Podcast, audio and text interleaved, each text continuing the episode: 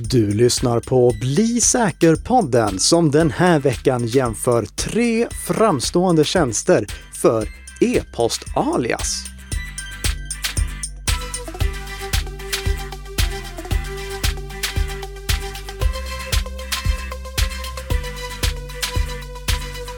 God morgon, god morgon Tess! Men god morgon, god morgon kära, kära Nicka. Eller vilket alias går du under idag? Är det Oh. THM vi kallar dig idag? Jag tror faktiskt det. Ja, mitt rappernamn. Ja, exakt. För alias, det är det vi ska prata om den här veckan i Bli säker-podden som produceras i samarbete mellan Nicka Systems och Bredband2. Vi kommer att jämföra Apples, Mozillas och DuckDuckGos respektive tjänst. Och vi kommer också prata lite om varför det är bra att använda e-post-alias i vissa sammanhang ur ett integritetsperspektiv. Just det. Det vill ni självfallet inte missa, men först av allt så har vi såklart veckans snabbisar. Och den första saken som jag har, det är att webbläsaren Edge har nu blivit superdupersäker. Oj, vad innebär superdupersäker? Det är ett uttryck som Microsoft själva har valt. Det är inte jag som kallar den superdupersäker, utan Okej. de har själva valt att använda den termen. Det kommer sig av att eh, de har tagit bort en funktion ur Edge. Jaha, För om man ska förstå vad, varför det gör webbläsaren superduper säker så tror jag vi måste ha lite bakgrundsinformation. Först och främst, nya Edge, eller Credge som vi kallar den, den baseras ju på Chromium, alltså samma grund som webbläsaren Chrome. Samma sak gäller till exempel Opera, eh, Vivaldi, Brave, alla de webbläsarna baseras på Chromium-grunden. Under det gångna året så har det hittills upptäckts 15 stycken nolldagars sårbarheter i Google Chrome. Det är ganska allvarligt eh, att det har liksom upptäckts 15 stycken sådana. Men eh, Google har ändå skött det här bra, så de- de har åtgärdat de här bristerna snabbt. Och i och med att eh, alla Chromium-baserade webbläsare uppdateras automatiskt så har de här säkerhetsbristerna täppts till ganska snabbt.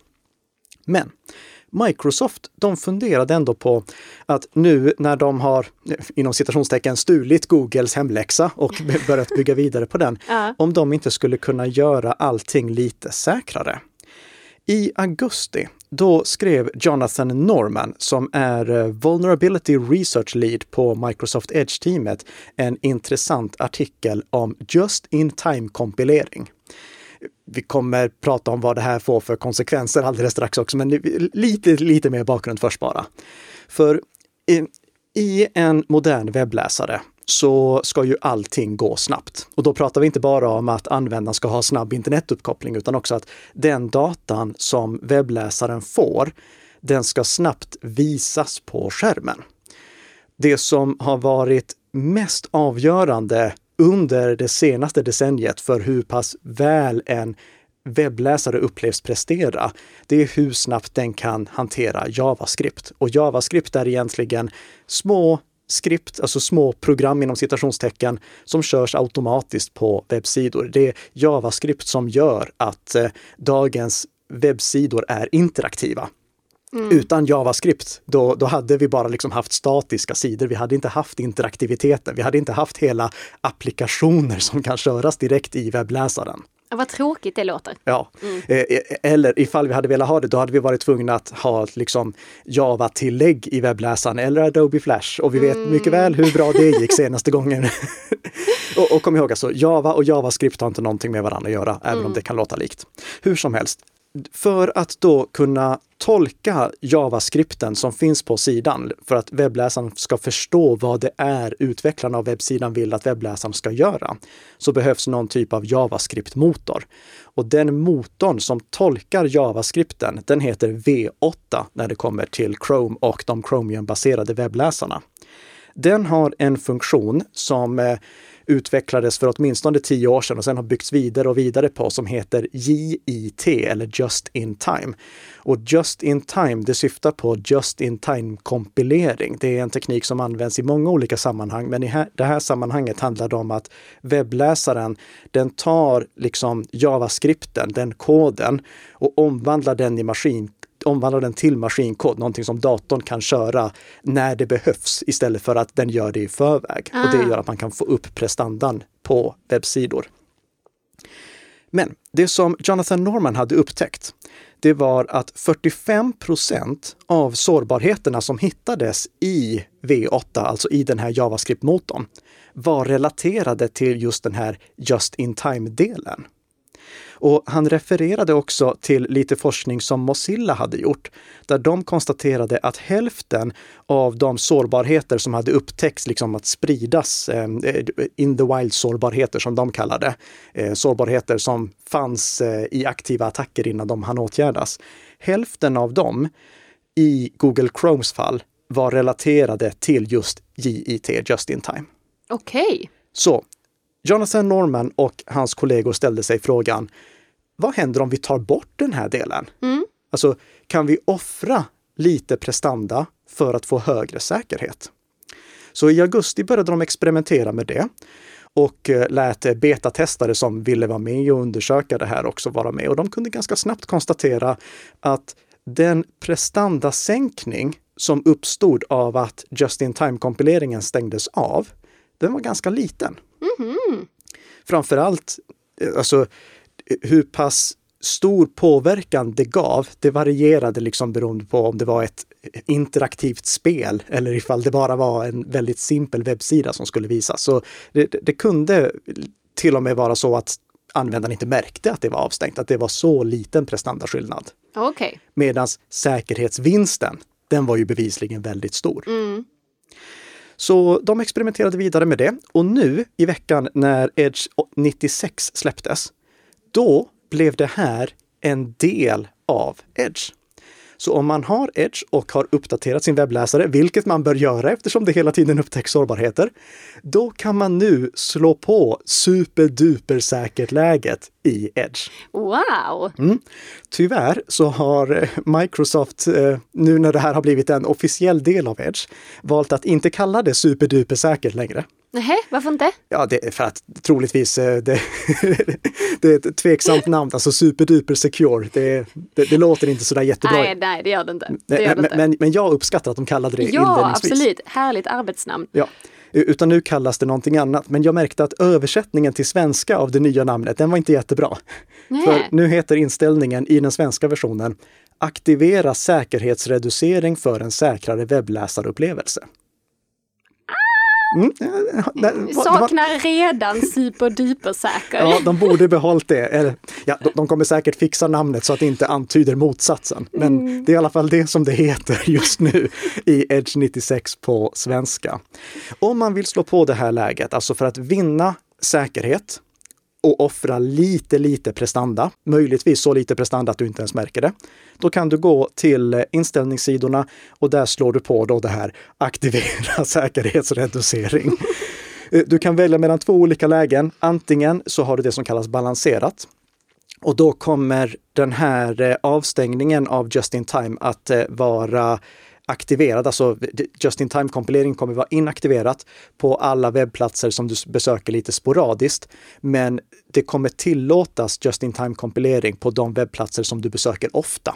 Mm. Och det är nog för att balansera det här mellan säkerhet och prestanda. Så om du har en webbplats du besöker ofta, då är det troligtvis en trovärdig webbplats och då ska det tillåtas där.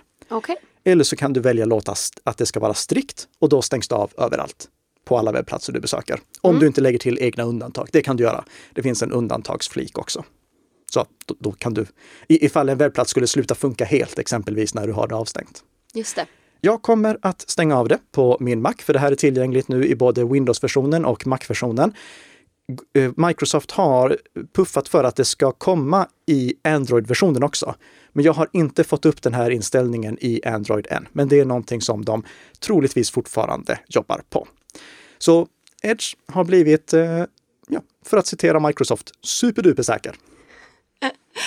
Okej, då är det min tur nu då Nicka att dra till med en superduper snabbis här. Mm. För att eh, nu har Mozilla meddelat att man kommer sluta ge stöd åt sin lösenordshanterare Lockwise i appformat från och med den 13 december.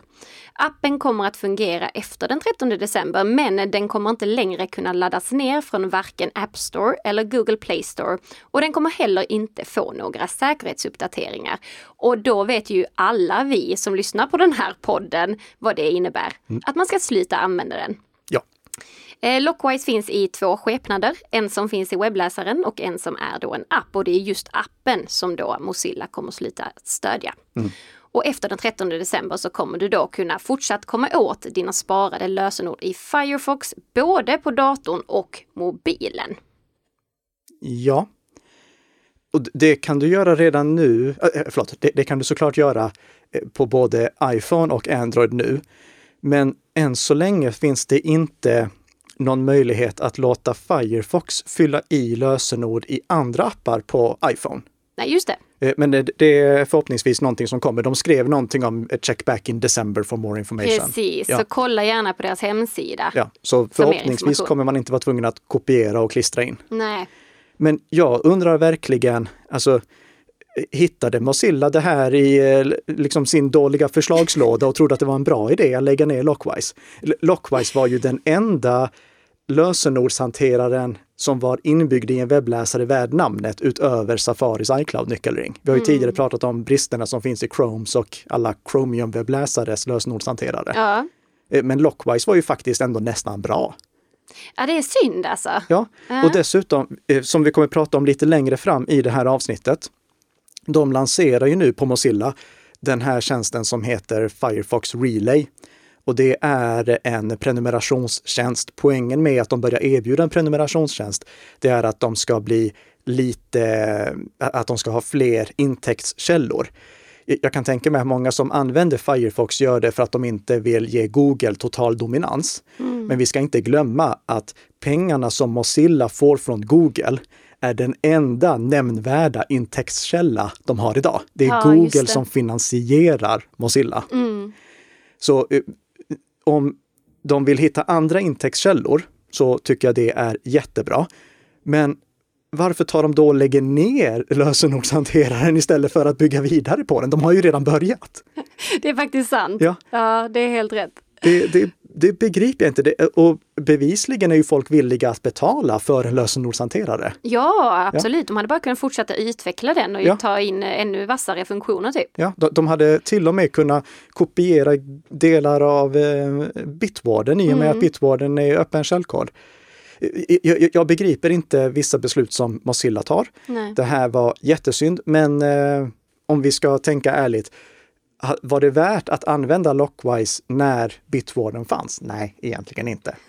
Eh, så de, de, de, kanske hade gett upp hoppet där, men mm. de gav sig ju precis in i VPN-matchen. De har ju börjat erbjuda en, en um, eh, VPN-tjänst som egentligen bara är mullvad i uh, ja, Mozilla-kostym. Ja, just det. Ja, det är ju ännu hårdare konkurrens där. Ja, verkligen. Ja. Hur som helst, eh, det är någonting som försvinner. Använd Bitwarden som vi har rekommenderat tidigare. Ja, mm. och vet du vad det är för dag idag, Nika? Det är ju Black Friday. Det stämmer och jag vet att du har någonting du vill säga om det här. Ja, eh, för eh, i säkerhetsbubblan så har vi gjort en pinnad tråd där vi samlar Black Friday-tips ah. som då är ah. säkerhetsrelaterade. Mm. Så ifall ni är medlemmar i säkerhetsbubblan så kan ni gå till Eh, ja, den länken vi lägger i våra show notes och där hittar ni tips som eh, Säkerhetsbubblans medlemmar har eh, skickat in. Och det är ju gratis att vara medlem i Säkerhetsbubblan. Så ja, det mycket bra. Där. Eh, jag såg bland annat att eh, våra vänner på YubiKey som gör den här säkerhetsnyckeln vi har rekommenderat många gånger. De har, jag tror det var 20 euro rabatt ifall man beställde för 100 euro eller mer. Mm, just det, och vi har ju sagt många gånger att man ska ha minst två stycken. Just det, mm, så då, då, då, kommer man upp i... Precis! Ja. Så det, det, det, finns eh, säkerligen intressanta erbjudanden att ta del av där. Tänk bara på att eh, innan ni slår till på någonting på Black Friday, kolla på prisjakt och på Price Runner så att det erbjudandet som ni får faktiskt är ett bra erbjudande. För vi vet att eh, det finns en hel del fulspelare som eh, tar chansen nu under Black Friday och först höjer priset och sen ger en kraftig rabatt. Ja. Och sen har vi också, det, det finns en deal, den här är verkligen nämnvärd. NordVPN. Mm. Ja, de har en Black Friday-kampanj nu där de ger 72% rabatt. Och det, mina damer och herrar, det är nästan lika bra som det erbjudandet de har kört mest av det här året som är 73 rabatt. Och, och, om ni vill veta mer om det här och vilka alltså, fula marknadsföringsmetoder som NordVPN och flera av deras konkurrenter kör med, lyssna på avsnittet som handlar om eh, eh ja, bluff-erbjudanden eh, i eh, i VPN-branschen, fulspel i VPN-branschen. Så heter så det avsnittet. Mm. Ja. Lyssna på det så får ni mer info om hur fula rabatter som ges i VPN-sammanhang. Jag tror inte att Mullvad kommer ha någon VPN-rabatt överhuvudtaget. De brukar köra 0 ja. eh, VPN-rabatt eller Black Friday-rabatt. Ja, men det låter väl också klokt. Ja. ja. Men du Nicka, mm? det är dags för veckans huvudämne. Det är det. Om e-post-alias. Japp. Och e-post-alias, det är alltså en tjänst som man kan teckna sig för så att man får en e-postadress att använda som inte är ens riktiga. Men all e-post som skickas till den adressen skickas vidare till ens riktiga e-postadress. Och det här är då en tjänst som eh, Apple erbjuder, som Mozilla erbjuder och som DuckDuckGo erbjuder. Det finns flera poänger med att använda en sån här e-post alias-tjänst. Och det första jag kommer att tänka på, det är att det skyddar mot spårning på nätet. Eh, ponera att du Tess skulle vilja prenumerera på en kopiös mängd nyhetsbrev. Ja. Om du då registrerar dig med din riktiga e-postadress på alla de här kundklubbarna och nyhetsbrevsidorna, då skulle ju faktiskt någon som jobbar i de här sammanhangen och pysslar med spårning på nätet kunna koppla ihop din aktivitet mellan de olika webbplatserna baserat på din e-postadress, för de vet att det är samma e-postadress som är registrerad överallt. Mm. Och sen kan det säkert kopplas ihop med sociala medier och andra annonsnätverk också, så kan man spåra dig på nätet genom din e-postadress. Ja. Eller ifall du skulle råka registrera dig på en riktig fulsida, då kan det ju hända att den som, eh, alltså nyhetsbrevet som du väljer att prenumerera på, de som driver det nyhetsbrevet, de kanske till och med säljer din e-postadress för att andra ska kunna skicka marknadsföringsskräp eh, mm. till dig. Ja, ja, ja, det är sant.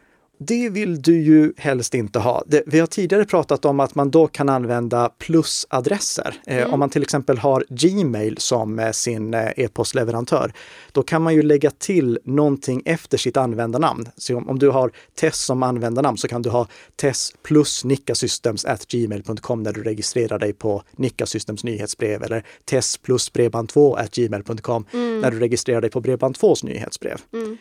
Men det ger inget fullskaligt skydd för att eh, en, eh, en, en, dator kan ju lätt lista ut att okej, okay, om det finns ett plustecken med, då är det allting förutom plustecknet och det som kommer därefter som är relevant för att kunna spåra användaren. Mm.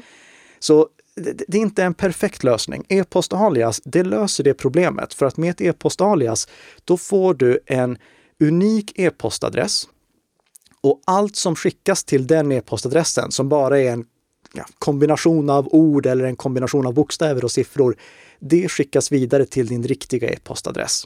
Och när du genererar en specifik eller ett specifikt e-postalias för alla tjänster som du signar upp dig på, då går det inte för någon som försöker att spåra dig över nätet att lista ut vilka tjänster det är som samma användare är registrerad på baserat på hans eller hennes e-postadress. Men om någon skulle då sälja vidare min alias e-postadress? Ja. Vad händer då liksom? För jag menar, det kan man inte stoppa. Nej, men då kan du ju faktiskt bara radera den vidarekopplingen. Så mm. du säger okej, okay, här, det här e-postaliaset ska inte vara aktivt längre. Mm. Och du kan också undersöka, okej, okay, vem var det som sålde min e-postadress? Ah. Och då om man till exempel driver en podd om IT-säkerhet, då kan man hänga ut det företaget och ge dem veckans känga. Mm. alltså bara... Bara som en idé. Bara sådär. som en idé, exakt. Ja, absolut. Så det, det, finns flera fördelar med det. Men det finns ju också vissa nackdelar. en stor nackdel det är ju att den som den e-post-alias-tjänsten du anlitar, den får ju full kontroll över allting som du registrerar dig på. Mm. Så de blir liksom en, de får en extrem insikt i din aktivitet på nätet. Så de skulle kunna spåra dig om de missköter sig. Och dessutom så kan de läsa alla mejl. Och jag vet att det står att vi läser inte några mejl och sånt, men rent tekniskt så kan de göra det. Aha. Så man kan inte välja vilken sån här e-posttjänst som helst eller vilken e-post-alias-tjänst som helst. Det finns många fler än de tre som jag nämner i veckans podd. Men jag nämner bara de här tre eftersom vi på något sätt måste gå i god för att de är okej okay att använda. Ja. Ifall ni som lyssnar vill tipsa om andra alternativ så är kommentarsfältet på Nika Systems webbplats öppet så ni kan tipsa där. Men jag nämner bara de här tre så att jag inte behöver äta upp min hatt någon gång över att jag har rekommenderat en tjänst och sen var tvungen att ta tillbaka det. Okej, ska vi sätta igång och börja gå igenom de här då? Ja. ja. iCloud. Mm. Apples lösning. Eh, det är ju en nyhet som kom nu i samband med släppet av iOS 15 och MacOS Monterey. Och det är en del av deras eh, iCloud Plus-tjänst. Så ifall man inte har iCloud Plus, då kan man inte använda den. Och iCloud Plus kostar från 9 kronor per månad. Då får man lite mer lagringsyta och sånt också. Jag tror att en överhängande majoritet av Apples användare i Sverige har iCloud Plus. Mm.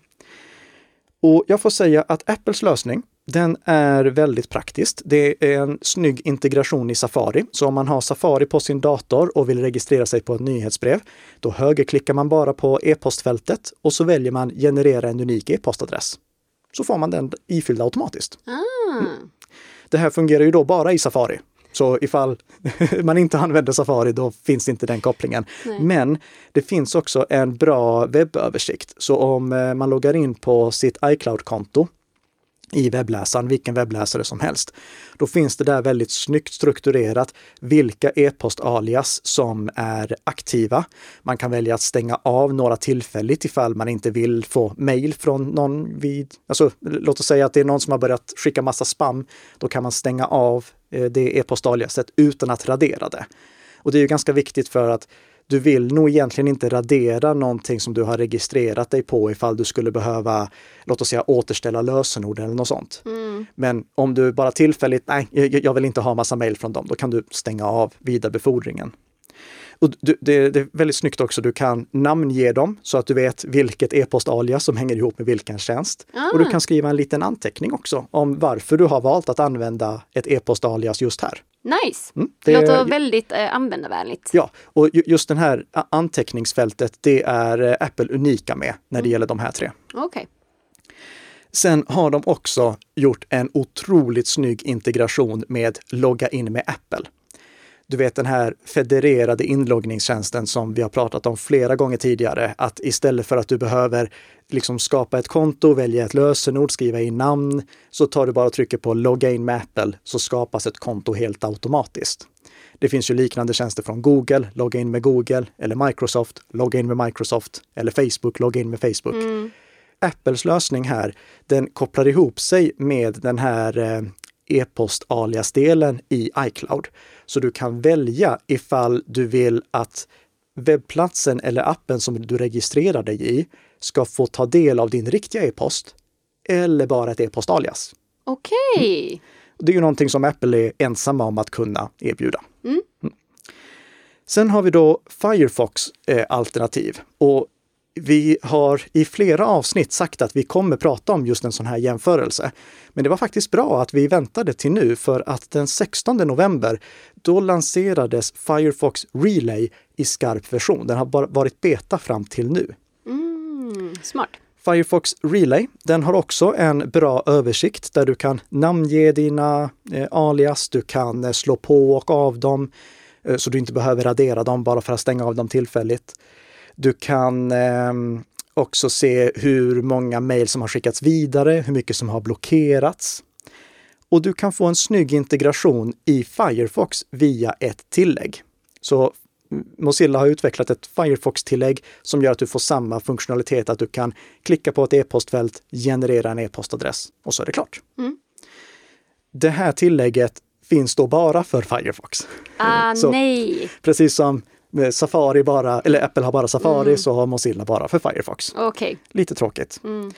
Det här är dock inte gratis. Eller ja, det finns en version som är gratis. Du, du, du kan köra fem stycken alias helt kostnadsfritt. Mm. Men om du vill ha fler än fem alias, vilket du troligtvis vill ha, alltså fem alias räcker inte Ja, speciellt om du ändå ska börja så vill man ju Ja. ofta ta fler. Exakt. Mm. Då behöver du eh, eh, köpa en prenumeration. Och det, det här är alltså då en av de nya tjänsterna som Mozilla har lanserat för att de ska ha fler intäktsströmmar. Det kostar för närvarande en euro i månaden. Mm. Och jag är glad att de tar betalt för den. Inte bara för att det finansierar Firefox, utan också för att om de inte hade erbjudit det, då hade jag absolut inte eh, eh, om de inte hade tagit betalt, Mm. då hade jag inte använt deras tjänst under några som helst omständigheter. Nähä. Nej. Okej. Och det är inte för att jag misstror att eh, Firefox skulle göra något dåligt med min data, utan för att Mozilla har ett, en tråkig historik av att lansera jättebra tjänster och sen lägga ner dem. Jag tror vi pratar om det här i veckans snabbisar Ja. också va? E- e- Eller eh, eh, Firefox Send som var fantastisk Ja. och den försvann också. I och med att ifall tjänsten skulle försvinna, oavsett vilka av de här tjänsterna vi pratar om, Mm. så är det ett stort jobb att sitta och hålla på och registrera en ny e-postadress överallt. Så vill jag vara säker på att den här tjänsten kommer finnas kvar. Ja. Och det är till och med så att i Firefox Relays FAQ, alltså Frequently Asked Question, då har de tagit upp just den här frågan för att de vet att vi som har använt Mozillas produkter under lång tid har fått se flera produkter gå under. Så de frågar faktiskt så här, citat, What happens if Mozilla shuts down the Firefox Relay service? Och sen svarar de att i så fall så kommer man i god tid få reda på att eh, eh du kan, eh, den den här tjänsten kommer försvinna och man kan välja att flytta över sina e-postadresser manuellt. Då. Alltså jag gillar verkligen att de har tagit och lyft upp den här frågan för att det här är så vanligt förekommande. Ja, nej men det, det är synd. Det jag är tacksam över det är att nu erbjuder de det som en betaltjänst och det gör att jag känner mig lite tryggare med att det här kommer finnas kvar. Okej. Mm. Jag kommer ändå inte använda det Nej, nej, och det är för att jag kan inte använda det. nej, Tjänsten är inte lanserad i Sverige. Den är översatt till svenska nej! Men den är inte lanserad i Sverige. Jag provade betala både med, eh, med Stripe och med eh, Paypal. Mm. Det gick inte. men, men det måste ju komma. Ja, det gör det säkert. Ja. Sen har vi då DuckDuckGos alternativ och det är en tjänst som fortfarande är i beta. Mm. Så det är inte helt rättvist att jämföra den. Så jag vill bara påpeka det. Mm. Fördelen med DuckDuckGos tjänst det är att du får inte bara möjlighet att generera unika alias, utan du får också din egen snabeladuck.com-adress som vidarebefordrar alla mejl. Så den den kan du använda liksom ifall du inte orkar skapa en unik e-postadress. Den här eh, lösningen som DuckDuckGo erbjuder, den kan integreras med alla stora webbläsare via DuckDuckGo-tillägget. Och den, den Ah. finns alltså inte bara till en specifik webbläsare, utan till alla stora. Bra. Och på mobilen så är det inbyggt i DuckDuckGo-appen. Så det blir enkelt att generera där också. Men den här tjänsten, den är då för det första i beta, så du måste ha en inbjudan. Och det är just nu kö för att få en inbjudan. Mm. Och den saknar helt och hållet en översiktsvy. Vad menar du med det? Det går inte att se alla konton som du har genererat. Du kan inte få en lista över dem med, med olika namn som du har valt att tilldela dem. Det, det, det finns liksom ingen administration. Men då tappade ju lite grann. Ja. Så ifall jag vill sluta få eh, mejl från ett specifikt alias, då får jag istället trycka på en liten länk som de lägger med i alla mejl som kommer via det aliaset. Okej. Och då måste jag ta bort den helt. Jag kan liksom inte pausa tillfälligt. Det, det, Ja, det, lite, lite trubbigt alltså. det känns inte färdigt. Nej. Då måste jag, ifall, liksom, om jag tänker, vad händer om DuckDuckGo skulle välja lägga ner det här? Då måste jag ha antecknat alla de tjänster som... Just det. Ja, och det vill jag inte. Nej. Så den känns inte helt färdig. Men eh, det är i alla fall kul att se att fler jobbar med sådana här e-post-alias. En liten jämförelsetabell för vad, vilka funktioner som finns i de olika tjänsterna finns också i våra show notes. Där framgår det då saker som att Det går att välja mottagare om man väljer iClouds lösning. Alltså, du behöver inte vidarebefordra allt till en specifik e-postadress. Har du flera e-postadresser registrerade, då kan du välja vilken av dem som dina alias eller olika alias ska skicka till. Det borde gå att lösa med Firefox lösning också, för där kan du ha flera e-postadresser kopplade till ditt Firefox-konto. Men det går inte. Du kan inte välja någon. Ah. Inställningen finns inte. Eh, det, jag har också testat liksom hur de hanterar bilagor. Både iCloud och DuckDuckGo hanterar bilagor ypperligt. Medan Firefox Relay, där kan du inte ha mail som är större än 150 kilobyte. Mm. Det är lite väl lite. Det kan vara värt att nämna också att DuckDuckGo är lite speciell i det här fallet för att de eh, blockerar trackers. Alltså om det finns eh, spårningspixlar och sånt i ett mejl, mm. då blockerar DuckDuckGos tjänst det. De tar bort de här spårningspixlarna. I alla fall de uppenbara spårningspixlarna. Det går att kringgå för den som verkligen vill få reda på ifall du läser ett mejl, men mm. det, de tar bort de uppenbara spårningsförsöken det har både för och nackdelar. Det, jag tycker inte jättemycket om att de ändrar e-mail. Nej. Eh, men det är jag personligen, notera det, det är min högst personliga åsikt. Mm. Det finns de mm. som tycker att det här är en fördel. Ehm, sen så, jag provade till exempel att registrera mig på Mediamarkt eh, på deras nyhetsbrev. Men eftersom bekräftelsemejlet kom som om det låg liksom i ett spårningsblock så försvann hela bekräftelselänken. Jag kunde inte ah, klicka på nej, den. Nej, just det. Ja. Eh, Firefox eh, lösning, den känns också bra, men den är inte tillgänglig för oss i Sverige. Nej. Så vinnaren, den blir ganska solklar. iCloud alltså? Ja, iClouds lösning, det är den bästa av de här tre. Mm. Det får jag säga. Om jag skulle välja en tjänst idag för att hantera e-post alias, då hade jag valt Apples lösning. Men jag vet, den är inte tillgänglig för alla. Förhoppningsvis, då blir någon av de två andra ännu bättre och snart också tillgängliga för alla svenska användare. Mm. Det hoppas vi. Någonting som redan idag är tillgängligt för alla svenska användare, det är Bli säker-podden. Den kan man få oavsett vilken mobiltelefon man kör. Så det enda man behöver göra, det är att gå in i sin favoritpoddspelare, välja att prenumerera, kanske lämna en liten recension också, ifall man vill. Mm. Och sen luta sig tillbaka och vänta till nästa fredag, för då är såklart jag och Tess tillbaka med ett nytt avsnitt av Bli säker-podden som gör dig lite säkrare för varje vecka som går. Tack så mycket för att du har lyssnat. Tack, tack!